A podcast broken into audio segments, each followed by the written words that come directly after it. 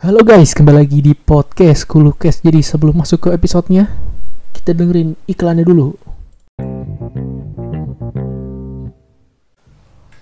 Pertama, saya tidak memiliki semua detailnya. Jelas ada cerita yang lebih besar di sini, gambaran yang lebih besar. Dan saya hanya melihatnya sekilas, pengalaman yang hanya berlangsung selama beberapa menit. Dengan peristiwa yang mungkin berlangsung selama 45 detik. Tapi saya tidak bisa menjelaskan apa yang terjadi dalam 45 detik itu. Tidak dapat membungkus kepala saya di sekitarnya atau mendamaikannya dengan apa yang saya ketahui tentang dunia dan kehidupan. Khususnya potensi perkembangan kehidupan ketika tidak diperiksa oleh beberapa stresor atau predator lingkungan yang selalu ada. Kehidupan tumbuh menjadi mengerikan, proporsi kacau.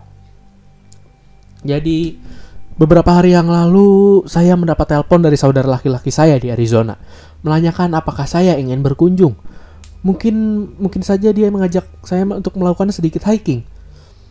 Makan di beberapa restoran Meksiko yang dia pikir saya mau dan lain-lain. Dia baru saja mendapat bonus besar di tempat kerja dan ingin menghabiskannya untuk waktu persaudaraan. Saya memiliki beberapa hari liburan yang dihemat di tempat kerja, jadi saya pun menyetujuinya dan mengambil cuti yang diperlukan.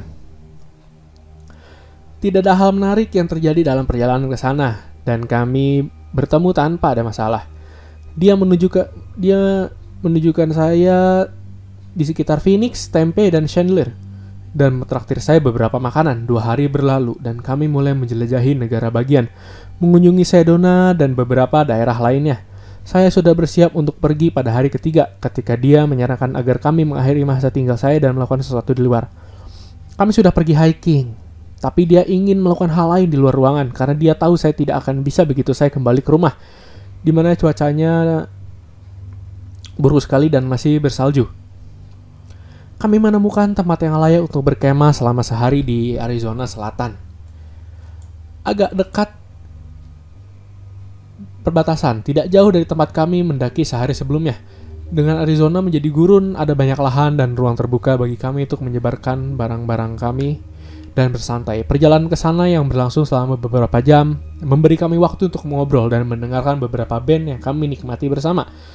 Kami membawa perlengkapan berkemah seperti biasanya, seperti tenda, makanan, air, senter, suara, radio, dan lain-lain.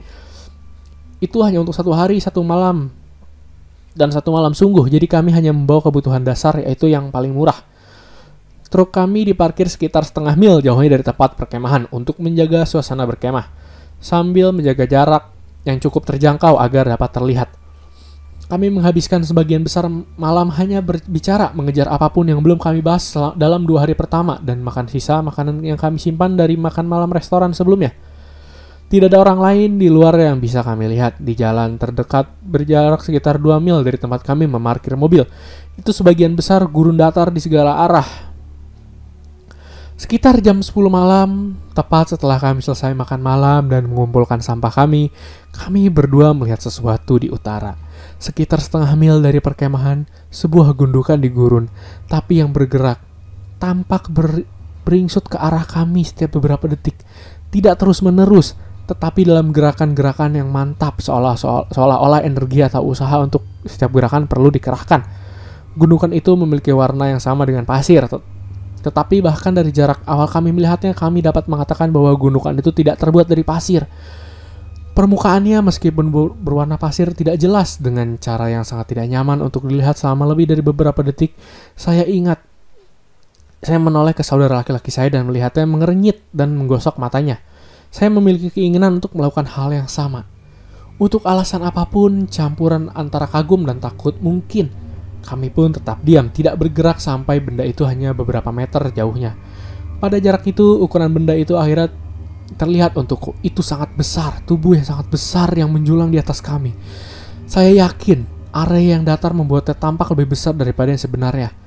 Tetapi duduk di depannya menatap dinding ketidakjelasan yang luar biasa ini memberi benar-benar memberi kesan luar biasa. Saya telah berbicara dengan saudara laki-laki saya beberapa kali sejak itu. Dan setiap kali kami mencoba mengingat dan menggambarkan hal itu, kami datang dengan deskripsi baru. Belum tentu detail baru, tapi baru bentuk struktur, kami biasanya cenderung untuk menetap pada deskripsi yang diakui aneh dari kain lap besar dan kering. Salah satu yang telah digunakan secara menyeluruh dan ditinggalkan selama beberapa waktu. Skala jauh melampaui proporsi yang biasa digunakan. Bentuknya serampangan, belum tentu tak berbentuk, tapi menyebar. Deskripsi lain yang saya tawarkan adalah bunga mekar yang mengerikan. Kelopak bunga jelek itu terbentang beberapa lebih besar dari yang lain, tapi tanpa bagian tengah yang seragam. Tidak ada mata, tidak ada perasa, antena, atau organ indera yang dapat diidentifikasi. Hanya bodi besar.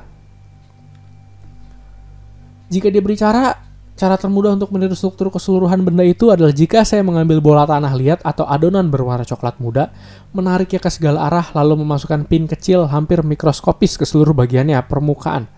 Ribuan dari mereka. Kemudian entah bagaimana buat pin itu bergetar dan beri adonan itu sendiri semacam animasi yang mendengung, hampir seperti nafas. Saya tahu kedengarannya sangat konyol, tapi sejujurnya itu ide paling jelas yang bisa saya berikan.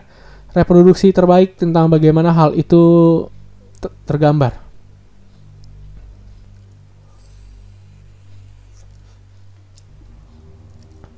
Kami menatapnya tanpa berbicara. Keduanya merasakan sesuatu yang lebih dari sekedar ketakutan dasar. Ketika itu benar-benar dekat, tidak nyaman, saya pun merasa mual. Tetapi lebih seperti mengigau, seolah-olah berada di dekat itu dan menyebabkan semacam masalah neurologis yang tiba-tiba. Sementara saya tidak dapat mengenalinya pada saat itu. Melihat ke belakang sekarang, saya yakin bahwa pikiran saya tidak mampu atau secara independen tidak mau untuk sepenuhnya memahami penampilan benda itu. Itu sangat tidak biasa. Saya belum pernah, sangat belum pernah terjadi sebelumnya. Salah satu bagian seperti tentakel, sulur, bahkan istilah yang lebih umum pelengkap semuanya terasa aneh, tidak akurat melayang dalam diri saya. Dalam apa yang bisa menjadi upaya kontak yang terlewatkan, atau hanya gerakan propulsi diri lainnya. Dan saya merasa ruang di sekitar saya bergeser, ditarik setelah bagian itu. Saya tidak, saya tiba-tiba sadar, sangat-sangat menyadari ruang yang saya tempati. Entah bagaimana menjadi sangat sensitif terhadap partikel atau apa pun, dan memperhatikan dengan gamblang bagaimana barang ruang itu telah ditarik olehku. Interaksi fenomena apa pun sebutannya membuatku lebih takut daripada melihat makhluk itu sendiri. Pengungkapan bahwa itu bagaimana bisa mengurangi atau mengesampingkan unsur-unsur esensi dari udara benar-benar menakutkan. Saya mendengar saudara saya mengucapkan dan kemudian dengan cepat menahan tangis dan berbalik ke arahnya tepat saat waktunya untuk melihat bagian lain di atas kepalanya. Yang ini jauh lebih besar daripada yang saya lewati. Benda itu sekarang ada di atas kami dan aku berharap menemukan gigi atau rahang menganga atau seperti itu di bawahnya. Saya pikir pada saat itu saya secara mental menghubungkan penampilannya dengan gurita atau bintang laut. Beberapa makhluk berkaki banyak yang menghuni air, tetapi setelah banyak memikirkannya, saya dapat dengan yakin mengatakan bahwa keduanya tidak cukup dekat untuk perbandingan yang ber yang berharga anatomi mereka terlalu teratur.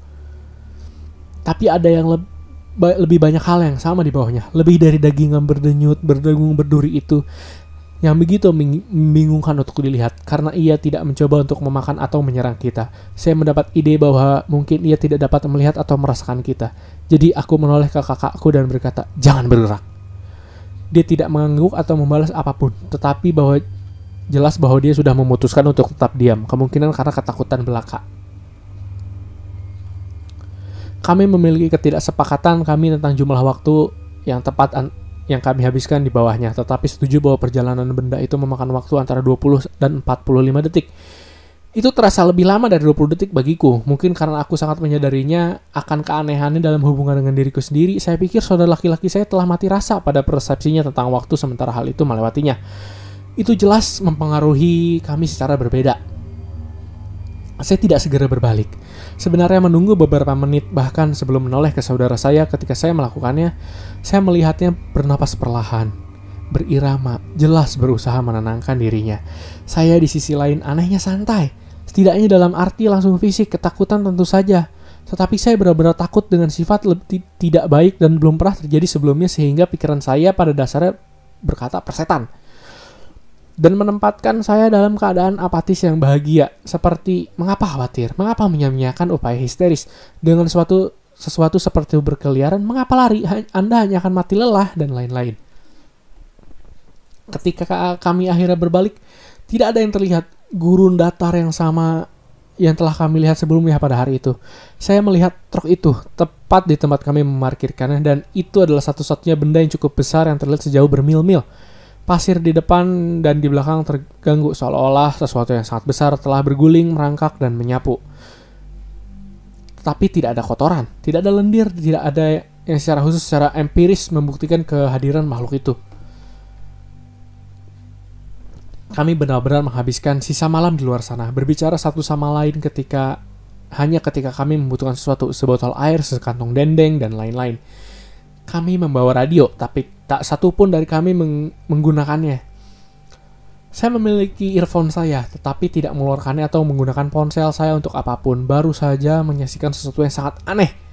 Tidak ada apa pun di internet yang bisa membuat saya ter terhibur atau tertarik. Kami berdua selama berjam-jam duduk dalam diam. Saya ingat untuk tidur, tapi tidak bisa memberitahu Anda jika saya bermimpi. Kakakku tidak pernah menyebut bermimpi pada malam itu juga. Di pagi hari kami mengemasi barang-barang kami dengan tenang berjalan kembali ke truk dan kemudian kembali ke rumahnya. Kami sarapan perpisahan di restoran yang tidak terlalu jauh dari bandara dan kemudian saya terbang pulang. Kami tidak membahas pengalaman itu sampai hampir seminggu kemudian. Keduanya membutuhkan waktu untuk memproses pikiran kita.